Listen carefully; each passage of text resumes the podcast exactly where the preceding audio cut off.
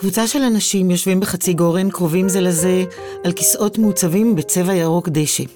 סלון. לידם מונחים מיקרופונים.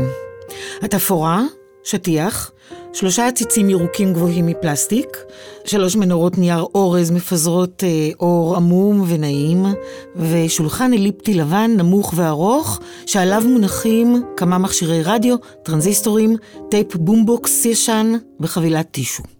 בחדר מפוזרים רמקולים גדולים. אנשים בקהל יושבים על כיסאות, על הרצפה, עומדים וגם זזים בחלל החדר, נכנסים, יוצאים, נכנסים, נשמעת מוזיקה. המקום, גלריה, אגף מרק ריץ' וגבריאלה ריץ', אולם מרקוס בי מיזנה, הידועה בשמה ריץ' תחתון, במוזיאון תל אביב לאומנות.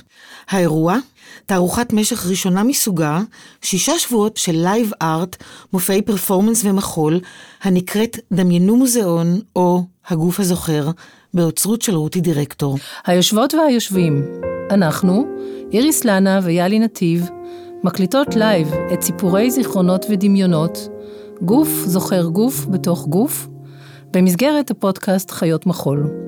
ואיתנו אורחים, בכל פעם קבוצה אחרת, שהזמנו לספר על אירוע מחול משמעותי, שנשאר חקוק בזיכרון הגוף שלהם, ולהפקידו בגוף המוזיאון.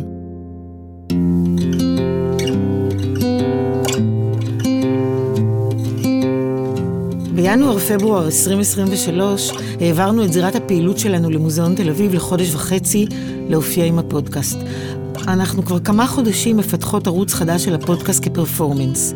אנחנו חושבות עליו ככוריאוגרפיה ויוצרות מופע, מקליטות לייב בנוכחות קהל ומשתמשות באמצעים אומנותיים, מוזיקה, תאורה, תפאורה ואביזרי במה.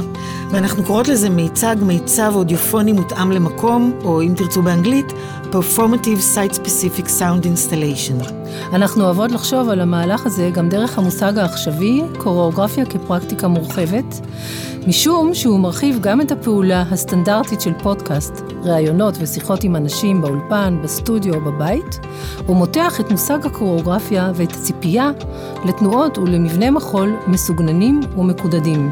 התפיסה הזאת של פרקטיקה מורחבת מציעה את המעשה הקוריאוגרפי למרחבי פעולה אחרים, ומנסחת מחדש את החוויה של מבצעים ושל קהל. במרחבים החדשים האלו אנחנו מתמקמות. בסיפורי זיכרונות ודמיונות במוזיאון אנחנו מאזינות לסיפוריהם של 65 אנשים מעולמות המחול, התנועה והאומנות, שמתארים את הזכור בגופם כצופים, יוצרים או משתתפים.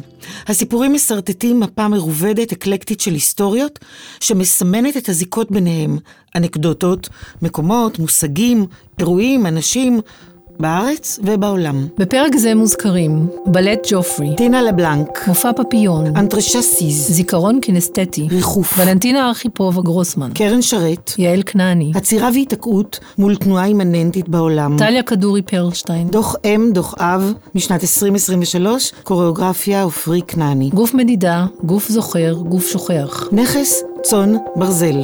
2023, קוריאוגרפיה מיכל סממה. אולפנה למחול במוסד החינוכי בקיבוץ כפר מנחם. קלאסי, מודרני, ג'אז. מורות האולפנה. לרקוד בפריפריה. תצלום של רקדנית מושכת את בגד הגוף. חוקי במה, אל תסדרו את הבגדים, אל תיגעו בשיער. פינה באוש. מוסכמות במה. ImPulse Dance, וינה, 2008. danceWEB. גווין וובר. Peeping Tom. דיוויד זמברנו. Ultima Vez. סדנה בקיבוץ געתון. תחרות כוריאוגרפים צעירים, 8 tension. Handle with great care. קוריאוגרפיה דליה אצ'ין. קהל שבוי. הכלב השחור של צ'רצ'יל של אנטוני סטור. המסתורין הנשי של בטי פרידן. יהודית ארנון. פסטיבל ריקודי חדר. טדשי אנדו. להקת המחול של רחובות. אולם ויקס במכון ויצמן. פיאף וודוויל, 1984, קוריאוגרפיה רודני גריפין, סולו של ז'נט אורדמן, להקת בדור. האקדמיה למחול בירושלים. אלכסנדר ליפשיץ.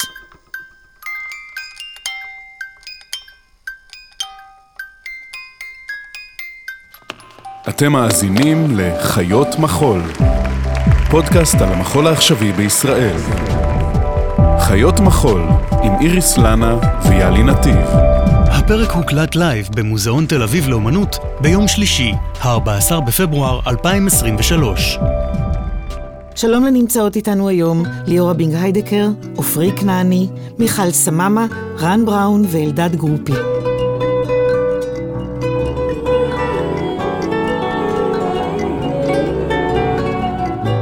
ליאורה בינג היידקר, מורה, משוררת וחוקרת מחול.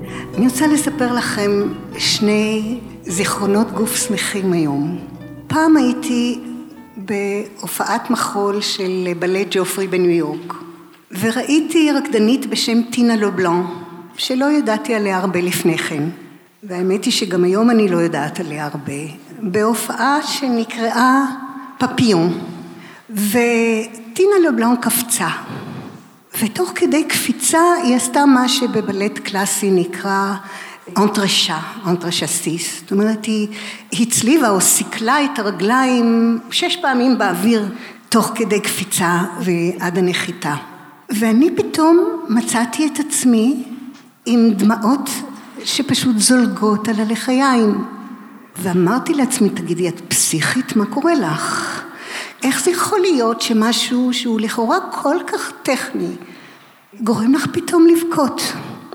ואחר כך אה, חשבתי על זה והבנתי שהגוף הגיב. הוא זכר, הוא ידע, הוא זיהה את העושר הגדול של זיכרון קינסתטי, זיכרון של חוסר משקל, זיכרון של קלות, זיכרון של ריחוף. והעושר של הזיכרון הזה פשוט הגיר דמעות מן העיניים. אבל לפעמים אנחנו כן מאוד רוצים לשלוף איזה זיכרון קונקרטי מהגוף. ככה למשל, אני מניחה, בין השאר עובדים קוריאוגרפיים. הפעם הראשונה שקיבלתי מפתח להיכנס לבדי, להשתמש בסטודיו של המורה שלי לבלט, ולנטינה ארכיפובה גרוסמן, היה כשהייתי בכיתה י"ב. והכנתי ריקוד לקראת אה, בחינות אה, של קרן שרת, קרן תרבות אמריקה ישראל, והייתי מאוד מאוד נסערת ומאוד נרגשת. בתקופה הזאת היה לי סיפור אהבה גדול, והלהט והתשוקה והמיניות החדשה הזאת, כל זה פשוט פעפע, ומאוד רצה לצאת בריקוד. אבל לא היו לי כלים. וערב אחד ארכיפובה שהייתה אז בעיניי, אמ, אני הייתי בת שמונה עשרה, עוד לא בת שמונה עשרה, היא הייתה בעיניי אישה זקנה, אני חושבת שאולי היא הייתה בת שישים, וגם מאוד אריסטוקרטית כזאת. והיא התיישבה בסטודיו, היא באה, והיא ביקשה רשות לבוא ולראות את הריקוד שהכנתי. ועמעמנו את האורות, ואני רקדתי מה שרקדתי על פי המוזיקה של שנברג, ואז היא קמה, בלי לומר מילה. ופרסה את כפות הידיים שלה והניחה אותם בקדמת האגן והתחילה להקיף את החדר כשהאגן ככה נע מצד לצד וכפות הידיים מתחככות על האגן ואני שוב מצאתי את עצמי עומדת שם שטופת דמעות משהו בשפת הגוף שלי אולי בשפת המוזיקה, גרם לה לזהות משהו, איזשהו זיכרון בגוף שלה. והיא נתנה לי את הזיכרון הזה במתנה כזיכרון של הגוף שלי. אולי אחד הרגעים היותר אינטימיים שהיו לי עם אה, מורה למחול אי פעם, והוא בלתי נשכח. תמיד מזכיר לי את מה שהיא הייתה חוזרת ואומרת לנו, הגוף לא משקר. תודה ליאורה.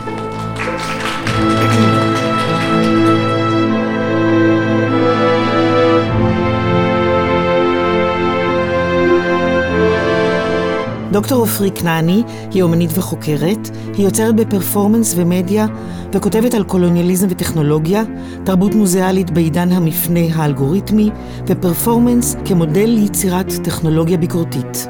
כשאני הייתי בכיתה ז', ככה רבע לשתים עשרה, יום אחד עלה לי מאוד החום, ותוך כמה שעות פחות או יותר לא יכולתי יותר ללכת. זה נגמר באשפוז של חודש בבית חולים נהריה, ארבעה ניתוחים במחלקה האורתופדית בין כל האגנים השבורים והכתפיים הפרוקות, ואז חזרתי הביתה. להחלמה מאוד ארוכה שהתחילה בכיסא גלגלים ועברה לקביים ובתוך זה היה איזה רגע אחד של תסכול אה, אדיר מהמצב שכמובן יצא על אימא שלי יעל כנעני כי הייתי בת 12 והיא הייתה אשמה בהכל אה, בשלב הזה והחלטתי לברוח מהבית. עכשיו מדובר בילדה שיושבת בכיסא גלגלים כזה של יד שרה מהסוג המאפנה, ואני מתחילה משביל בקיבוץ ואז לכביש, ואז אני מתחילה לעלות בעלייה, כי כברי זה על גבעה, ותוך עוד איזה חמישה סיבובים, אתם מבינים מה קרה, וכל הדבר הזה, אני והכיסא התגלגלנו בעלייה, חצינו את הכביש, התגלגלנו עד אמצע הדשא של חגי וחדווה רון ונתקענו.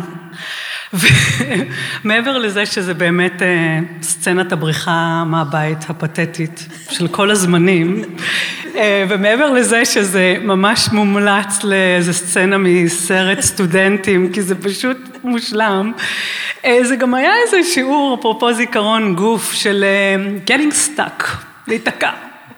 להיתקע בכיסא עם העלבון והחוסר האפשרות לזוז ולהיתקע בג'סטה הגדולה הזאת שכל כך רציתי לעשות ואני שם יושבת בדשא תקועה לגמרי וככה בדיעבד אם חושבים על זיכרונות הרעיון הזה שתנועה זה דבר אימננטי, כן? זה דבר שהוא מובן מאליו. תנועה של העולם, תנועה של הכדור, תנועה של הגוף, והעצירה הכל כך גרנדיוזית הזאת, הייתה איזה שיעור שככה אני רוצה להתחיל ממנו, כי באופן אה, מעניין, דווקא זה היה המקום שבו התחלתי אה, לרקוד, אז אני גדלתי בבית עם אימא שעוסקת בתנועה, אבל נראה לי שעודף המשקל שלי כילדה ועודף המחויבות של עולם הבלט אה, מנעו ממני מאוד אה, ללכת ולרקוד בכל שלב עד כיתה ח', שאז החלטתי, אני הולכת לרקוד וזה סחב ח', ט', י', י"א, געתון, שלוש שעות ביום, עד שהיה הכרעה דרמטית בקריירה של הבת סוף י"א בין חמש יחידות אמנות לחמש יחידות מחול והחלטתי לפרוש מעולם המחול, דבר שציער אך ורק אישה אחת וזאת הייתה טליה כדורי הנפלאה שלימדה אותי תולדות המחול ואף לא מורה אחרת שלימדה את הפוינטים והפלקסים, ואני חושבת שכבר אז הבנתי שיש לי פוטנציאל תיאורטי, הרבה יותר חזק מפוטנציאל כזה של הרגליים למעלה והכל, ולקח הרבה זמן, אבל אני אולי ככה רוצה לחשוב דרך הרגעים האלה על באמת האופן שבו אני חושבת, אני עושה פרפורמנס, אבל אני כמעט לא משתתפת בו, אבל דווקא הדברים שקשורים יותר למחקר והוראה, שבהם גם פרפורמנס וגם קוריאוגרפיה חורגים מה the art of making dance או the art of making expression, כן? מהרצון להגיע בסופו של דבר לרגע כביכול מיוחל של הופעה. אני חושבת הרבה פעמים עם הסטודנטים שלי על חינוך, כן, לא זה שמרצה, אלא באמת פדגוגיה אה, והקשר שלה לגוף, כי אם אנחנו, כשאנחנו ילדים או תינוקות, אנחנו יודעים את העולם דרך הגוף, אנחנו יודעים אותו בזחילה, בנפילה, ואם אנחנו מטפסים גבוה, אז הגענו מעבר לגבול. אבל אז קורה איפשהו בכיתה א', שאנחנו מתיישבים על הכיסאות, ופתאום כל מה שקשור לידיעת העולם מתחיל בקצה עצם הזנב ונגמר פה, ואם אנחנו מתחילים לרוץ, אומרים, תשבי בשקט! ואחרי כמה זמן, כי אנחנו רוצים לזוז ולדעת את העולם, אבל באיזשהו שלב אנחנו מבינים שלדעת את העולם זה מפה עד פה, ואיכשהו, עד שאני מקבלת אותם בתואר ראשון או שני, בסוף האקדמיה, כל העולם של הידיעה מתחיל פה ונגמר פה, ולזוז זה דבר מאוד מאוד מאוד מסוכן, וכשאני מתחילה, אני מתכוונת שאני מתחילה לחשוב איתם על נגיד קוריאוגרפיה, לא כהאומנות של יצירת מחול, אלא המערך הקשרים בין גוף ארגון בחלל ומרחב, והקשר של זה לידיעת העולם, ל-knowledge production, במובן הכי הכי פוליטי שיש, וכשאני משתמשת בפרפורמנס ככלי מחקרי, אני חושבת איך אפשר לקחת דברים שקשורים ל-liveness, לחיות, אה, לתנועה, למה שהגוף יודע, ואיך אפשר לחקור טכנולוגיה, או מרחב בנוי, או מרחב מוזיאלי, דרך מה שהגוף יודע ומה שהוא לא יודע. אז אולי אה, דוגמה אחת תהיה שאני עובדת הרבה עם ארכיטקטים ואני פוגשת אותם במקום הממש ממש ממש בטוח, הם יודעים לבנות הכל, כל עוד זה מפה לפה, ובדרך כלל ביום הראשון של הקורס שהם לבושים היטב, אנחנו מכירים אחד את השני ואז אנחנו הולכים לרחוב, כשגרתי בניו יורק אהבתי לעשות את זה ברחוב 23 הסואן והמטונף בשעת צהריים. ואז אנחנו הולכים, ואז אני אומרת להם, אוקיי, lie down, תשכבו על הרצפה. בסופו של דבר ארכיטקטים, אנחנו אחראים על אה, לבנות את העולם ועל סביבה בנויה, אז בואו ניקח עשרים דקות מהחיים שלנו לפגוש את הגוף, יש הרבה אנשים שבעיקר מכירים את העולם ואת הסביבה הבנויה מלשכב וגם לישון וגם להיות הרבה זמן במצב שוכב על הרצפה, אז בואו נשכב לעשר דקות, זה כמובן מעורר התנגדויות מהמון המון המון סוגים, אבל הרגע הזה שהוורטיקליות אה, no longer available, כן, אי אפשר לעשות את זה יותר, ונשכבים הוא רגע מדהים של, קודם כל הוא נורא אנליטי, כן, כמו פסיכואנליזה רואים רק את השמיים, אבל פתאום יודעים את הטמפרטורה, את הדביקות, את הלחות, את הפיקוח, כן, שוטרים מגיעים תוך שנייה, את הכל יודעים דרך הגוף, לא רואים יותר, אין את המצב הכביכול מוגן הזה שאני רואה מי בא אליי, אלא אני יכולה לשמוע או להרגיש, או, אה, וזה מצב מאוד המבלינג, מצב אה, אחד אה, כזה הוא דרך לחשוב באמת על, על היחס בין גוף, מרחב, ארגון ופוליטיקה של ידע,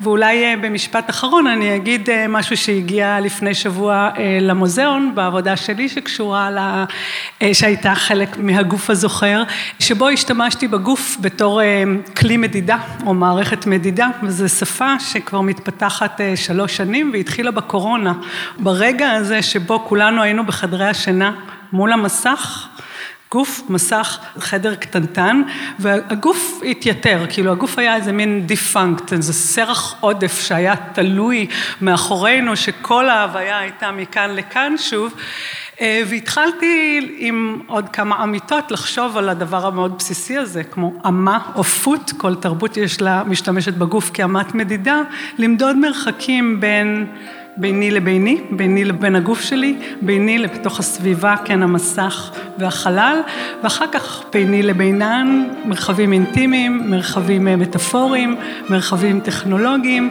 ובעבודה כאן הם באמת הפכו להיות איזה גוף של, אה, גוף עבודות שהוא גוף מדידה, שהוא גוף זוכר, שוכח. תעפרי.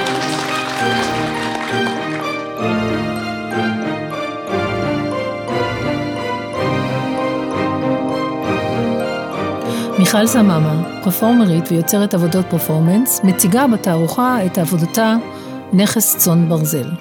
אז כן, אני גם uh, קצת מתחברת פה לסיפורי הנערות.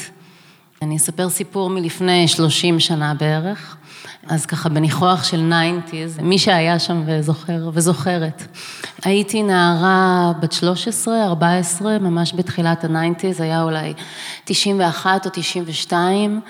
גדלתי בקיבוץ, קיבוץ בית ניר, וכמו הרבה נערות רקדתי. לא התחלתי לרקוד הרבה לפני זה, אני חושבת שבככה בערך בכיתה ו', ואחר כך באמת בכיתה ז'-ח' הצטרפנו למוסד החינוכי של השומר הצעיר בקיבוץ כפר מנחם, ושם רקדתי באולפנה של קיבוץ כפר מנחם, או של המוסד, הייתה גם מין להקה כזאת.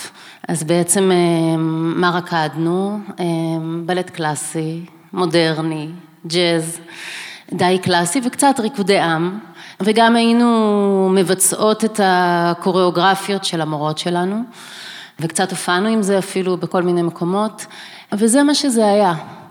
מה שאני זוכרת, ש... או בעצם התחושה היא שכל מה שידענו והכרנו, ידענו דרך הגוף. זאת אומרת, דווקא לא הייתה, אמ, לא היה תולדות המחול, לא היה היסטוריה של המחול, לא היה קונטקסט, כן, לא היה את ההקשר, בטח שלא היה תיאוריה של המחול. הכל היה מאוד הדבר עצמו, קלאסי, מודרני, ג'אז, מהעיניים של המורות שלנו, וזה מה שזה היה. בכפר מנחם הייתה במה מאוד גדולה, זה כן, לא יודעת אם אתם זוכרים, זוכרות פה, מי שככה מכיר את ההיסטוריה.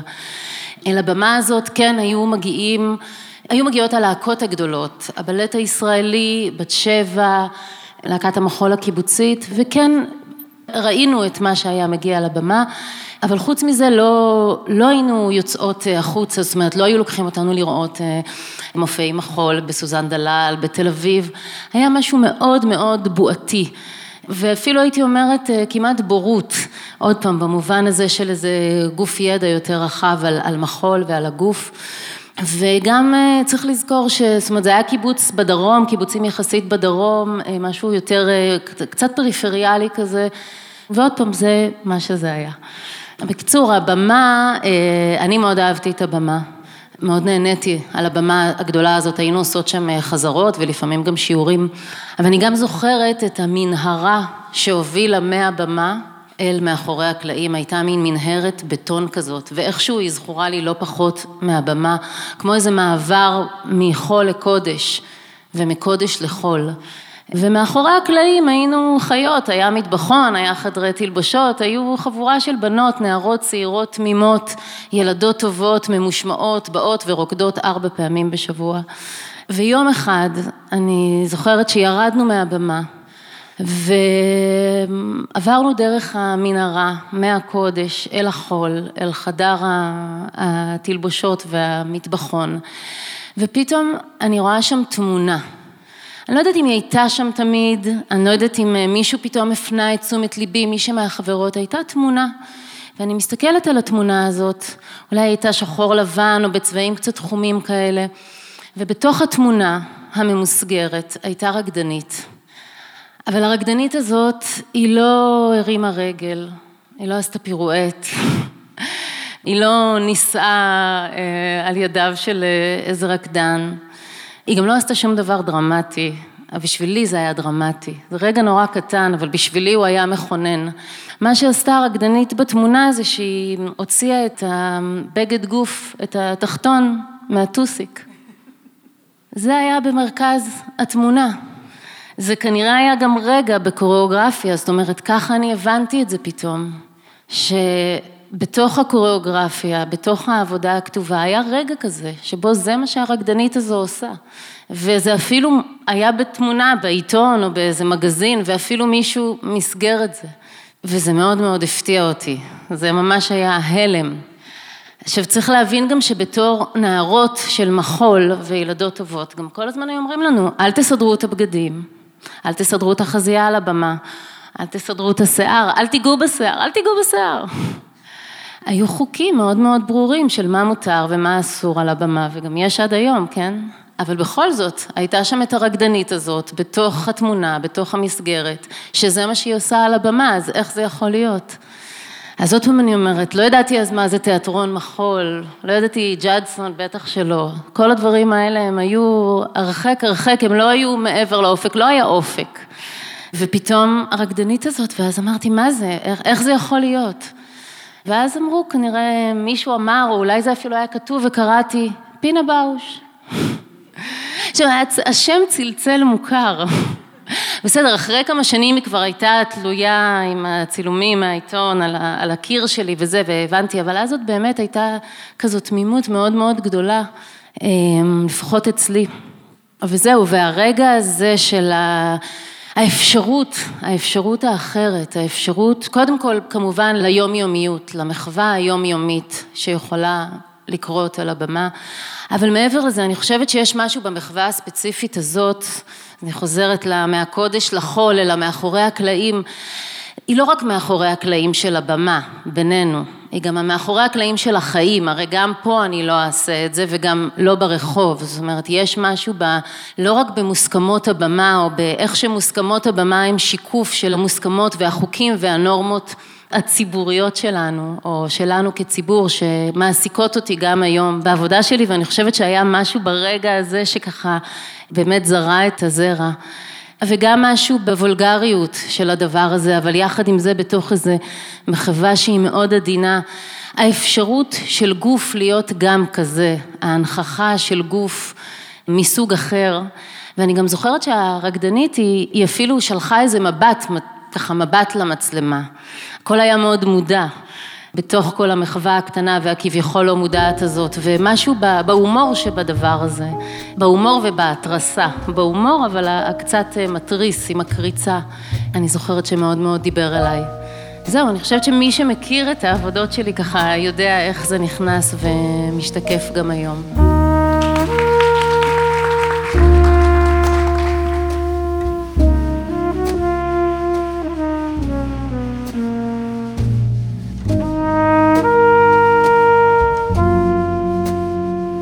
רן בראון, מנהל מגמת המחול תלמה ילין, מבקר המחול של עיתון הארץ. תדמיינו מופע שלם, שעה, חם נורא. אתם בשורה האחרונה בתיאטרון ולא יכולים לצאת. אין מזגן, זאת וינה, ב-2008, וכל התיאטראות יצאו לחופש, ואז אפשר לעשות פסטיבל מחול גדול שמשתלט על התיאטראות, אבל אין מזגנים. חוויה מעיקה. חוויית זיכרון גופני מאוד מאוד ברורה. אז קיץ 2008, אני רקדן, אני בשנות ה-20 שלי, עם קצת יותר שיער, לא הרבה, ואני נסעתי לפסטיבל המחול הגדול באירופה, לאימפולס דאנס, ויש בו תוכנית שנקראת דנסווב, זה תוכנית מלגות לרקדנים מכל העולם. האיחוד האירופי מממן אה, השתתפות בסדנאות עם קוריאוגרפים ומורים למחול עכשווי, ואנחנו קבוצה של 60 רקדנים מכל העולם, שהולכים גם מעבר לסדנאות ולשיעורים האלה מדי ערב להופעות, כל יום להופעה אחרת של קוריאוגרפים שמגיעים, זה גם שנה מיוחדת, זה 25 שנה לפסטיבל, אז זה להופעות מאוד אה, גדולות. כדי שתבינו גם את המצב הגופני שבו אני נמצא, אני עושה סדנאות עם אה, Ultima Vez, ועם רקדנים של Ultima Vez, עם גווין וובר, עם Peeping Tom ועם דוד זמברנו, Flying Low. הגוף שלי מפורק, כואב לי, אני ממש זוכר את המעונות סטודנטים שבהם אנחנו ישנים, ובעיקר שבמקלחת הזרימה של המים מתוזמנת. אתה לוחץ על הכפתור ויש זרם למשך דקה. אוסטרים. אחרי דקה, כאילו צא. עכשיו, כואב לי, אני עומד מתחת למקלחת, אני צריך מסאז' במים חמים, עוד, עוד, עוד, עוד. זה מזכיר לי חוויה גופנית אחרת, מוקדמת יותר, כשאני בעצם לומד מחול, הופך להיות רקדן, עובר איזה מטמורפוזה גופנית, אחרי הצבא בקיבוץ געתון, חורף, קר, אני בחדר בבניין קומותיים בקיבוץ, חדר קיבוץ, מיטת קיבוץ, נמוכה כזאת, אני מתעורר בבוקר, אני רוצה לרדת מהמיטה, ואני רוצה לשים משקל על כף הרגל, והיא כואבת. כואב להעביר משקל, כל השרירים דפוסים, הכל בתהליך של שינוי, אני יודע שזה לא יעבוד בלי באמת מקלחת חמה, רצופה בבוקר, לפני שמגיעים לסטודיו להתחיל לזוז קצת. געתון. אני שם את זה בצד, חוזר לווינה. אנחנו הולכים לתחרות של קוריאוגרפים צעירים, A-Tension, ככה זה נקרא. הולכים לראות הופעה של קוריאוגרפית סרבית מבלגרד בשם דליה אצ'ין. להופעה קוראים Handle with Care, או Handle with Great Care. ההופעה קורית בבורג תיאטר, בקזינו, זה בעצם חלל של התיאטרון, הוא קצת דומה לחלל כאן, רק שחור, ובתוך החלל הגדול הזה, שיש בו גם בר, ואחר כך תהיה בו מסיבה, בנו בעצם טריבונות, כדי שיאפשרו לקהל לשבת בטריבונות ולהביט למטה אל הבמה היחסית קטנה שבה מתרחש המופע. אנחנו מגיעים בין הראשונים, בצעד שמתברר אחר כך כטעות, מטפסים אל השורה האחרונה, אני מתיישב בקצה. וחושך, ועל הבמה מתגלה מנורה שמשתלשלת על חוט ארוך, מנורה ביתית, היא לא מפיצה הרבה אור, יש מסביבה היל עגול, והיא מאירה תחתיה איזשהו משטח, זה דומה אולי קצת למיטת קיבוץ הזאת, לאיזושהי מיטה, הוא בגודל של מיטה זוגית, ולא רואים הרבה, לא רואים מעבר לשוליים שלו, ולא הרבה קורה, והמוזיקה מתחילה. ולאט לאט מתגלות שתי דמויות, שתוך כדי ההופעה התבררו כדמויות נשיות שיש להן פאות, אבל הן לבושות שחור, והן בקושי זזות, רק יד שזוחלת לאט על המיטה, היא מתיישבת והיא מתפשטת כמו איזה כתם שהולך ומחלחל, אבל לא הרבה קורה. אני לראשונה מבין לעומק מה המשמעות של להיות קהל שבוי ומדכא, אבל אה, בלית ברירה אני מתמסר לחוויה הזאתי, ומה שמתחילה כחוויה מעיקה ובלתי נסבלת הופך להיות בדיעבד לחוויה מאוד מאוד משמעותית באופני הצפייה שלי בכלל. כי תוך כדי ההופעה אני חושב על הספר שקראתי פעם שקוראים לו הכלב השחור של צ'רצ'יל, שבו הוא מדבר על הדיכאון שלו. הוא מכנה אותו כלב שחור, אבל בהופעה הוא נראה לי כמו כתם שחור.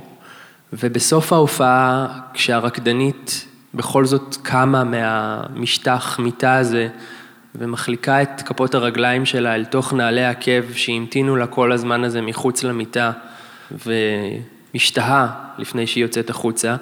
אני גם חושב על הספר המסתורין הנשי של בטי פרידן, שהיא מדברת בו על הבעיה שאין לה שם, על הדיכאון של נשים בפרברים האמריקאים בשנות החמישים. ואני חושב שאולי היה נחוץ להעביר אותי את החוויה המאוד מעיקה הזאתי, בשביל להבין לעומק מה זה דיכאון, ומה זה דיכאון בהקשר מאוד מאוד ספציפי. וכשאני מתבונן בתנועה המאוד מאוד מאוד איטית שלהם, אני נזכר שוב בקיבוץ געתון ובהופעה אחרת שהייתי בה, וישבתי ליד יהודית ארנון, וראינו הופעה בפסטיבל ריקודי חדר של תדשי ינדו בקיבוץ כברי. ואני נזכר בכלל בעיניים הכחולות, צלולות מאוד של יהודית ארנון, שכשאני הייתי בדיכאון, אחרי שבחור שבר לי את הלב, הסתכלה עליי ואמרה לי, סובלימציה. תעשה סובלימציה. ולקראת ה... היום, כשחיפשתי מידע על ההופעה הזאת, להיזכר ככה בדברים שהיו, גיליתי שלא דיכאון ולא גרביים. ההופעה הזאת עוסקת בזיכרונות גוף ובמדיום ובמה קורה לנו כשאנחנו צופים במופע שהופחת למרכיבים המינימליים שלו ולקופסת זיכרונות שיש לנו בראש ולהרחבת האופקים וללהרגיש תקועים אבל להמריא רחוק.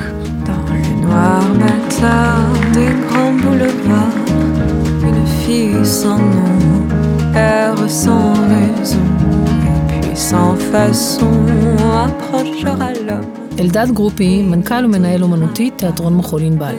אז בסיפור שלי יש גם אה, זיכרונות מגיל צעיר, לא ב nineties, ב eighties, שנות ה-80, ואולי גם קצת איזה סיפור של שברון לב, במובן מסוים.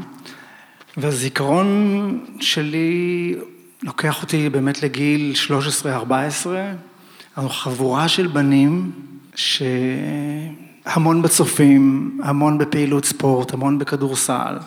עולם המחול בכלל לא היה על סדר היום שלנו. והיינו המון ביחד, המון בים והמון אה, בפעילויות ספורט ובצופים, עד שהתוודענו ב... שחלק מבנות הכיתה רוקדות בלהקת המחול של רחובות. אני לא יודע מי מכם זוכר, אבל פעם אולמות הספורט היו עם אה, אשנבים כאלה, חלונות נמוכים, שדרכם היה אפשר להציץ למה שקורה בתוך אולם הספורט. ואני זוכר שבאחת הפעמים אמרנו בואו בוא נלך לראות מה קורה ב... אצל הבנות בכיתה. והחוויה הזאת, אה, החוויה הראשונית הייתה מאוד אה, מצחקקת.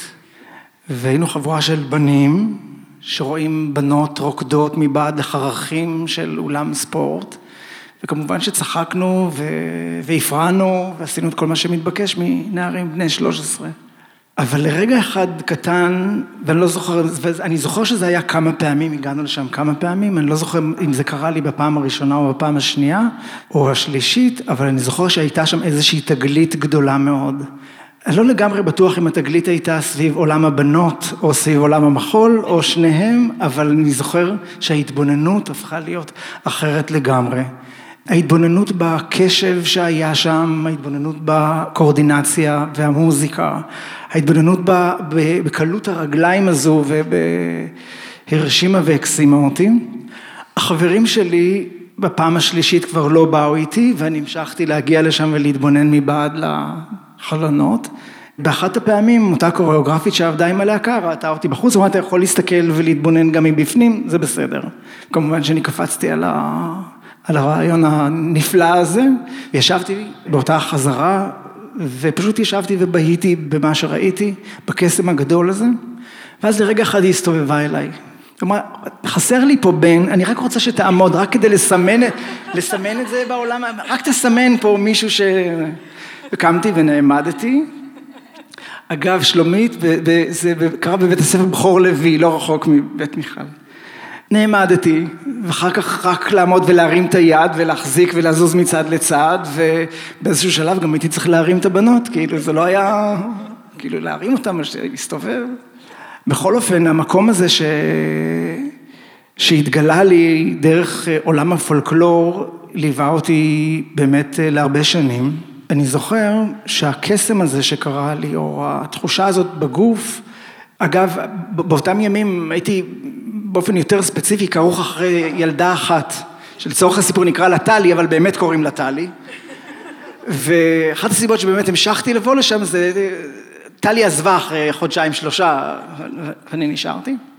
ובאמת באותה שנה מאוד משמעותית מבחינתי, מצאתי את עצמי הולך וללא מעט מופעי מחול ברחובות של אותם שנים, של שנות ה-80, לא הגיע כל כך מחול לאולם. עד לפני כמה שנים בכלל לא היה היכל תרבות ברחובות, אבל את המחול שאני ראיתי היה באולם ויקס, אולם במכון ויצמן. ולהופעות האלה הייתי הולך בדרך כלל לבד.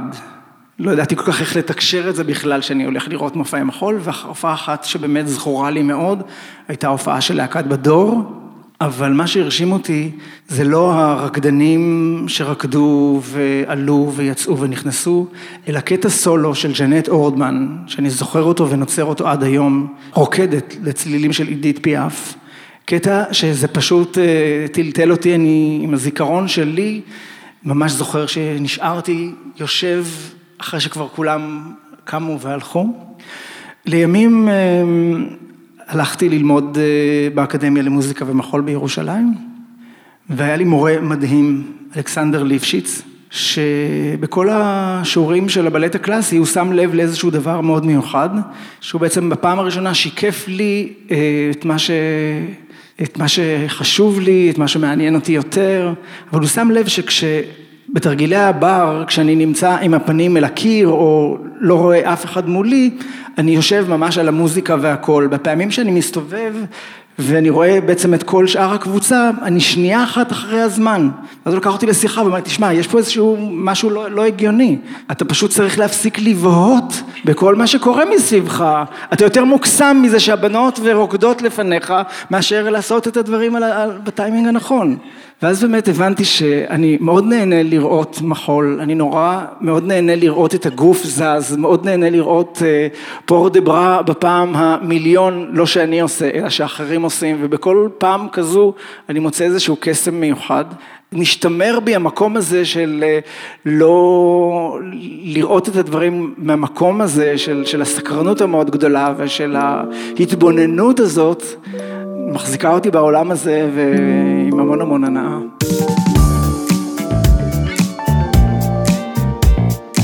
תודה לכם שהייתם איתנו, שיתפתם אותנו בסיפורים שלכם והפקדתם אותם בפודקאסט. תודה לרותי דירקטור, עוצרת אומנות עכשווית במוזיאון תל אביב. תודות לאודי גליניק, סאונדמן וצלם, שליווה אותנו במהלך ההקלטות. ללאו ליברמן ותמר אבן חן, תוכן רשתות חברתיות. לנדב ברנע על ייעוץ תאורה ותפאורה, לעידית סוסליק על עזרה בהפקה וצילומי סטילס ווידאו. תודה לזוהר זלץ מאולפני אשל, ולקהל שהיה עמנו והאזין לסיפורים. זהו פרק נוסף בסדרת סיפורי זיכרונות ודמיונות, גוף זוכר גוף בתוך גוף. ההקלטות נערכו במהלך ינואר ופברואר 2023 במוזיאון תל אביב לאומנות. בפרק הבא משתתפים ומשתתפות ליאור אביצור, תמר אלאור, עינב קטן שמיט, יאיר ורדי, רועי בדרשי ומשה שכטר אבשלום. איריס לנה היא חוקרת מחול, מרצה באקדמיה למחול ובסמינר הקיבוצים, ניהלה את פרויקט הקמת ארכיון להקת בת שבע ואת תחום המחול בפרויקט שימור דיגיטלי של אוספי מחול בספרייה הלאומית. יאלי נתיב היא מורה וחוקרת מחול בהקשרים סוציולוגיים ואנתרופולוגיים. היא מרצה בכירה במכללה האקדמית לחברה ואומנויות, ASA, כותבת על חינוך לאומנויות, סוציולוגיה של הגוף, התנועה והמופע, ועל מחול והחברה הישראלית. מחקרה העכשווי עוסק ברקדנים מקצועיים מזדקנים. יאלי היא יושבת ראש עמותת הכוריאוגרפים. אנחנו מזמינות אתכן ואתכם לבקר באתר הפודקאסט חיות מחול, שם תמצאו תצלומים, קטעי וידאו וכישורים לדברים שדיברנו עליהם בפרק זה, ולהקשיב לפרקים הקודמים של הפודקאסט. הפקת הפודקאסט נערכה בשותפות עם המחלקה לדיפלומטיה תרבותית במשרד החוץ. הפודקאסט הוא חלק מפלטפורמת השיח טייץ, מחול ומחשבה. הפקה איריס לנה ויאלי נתיב. תודות לעידו פדר, לעמותת הקוריאוגרפים ולמשרד התרבות והספורט. קטעי המוזיקה המושמעים בפרק הם מתוך Free Music Archive. ניתן למצוא אותם בדף הפרק באתר חיות מחול.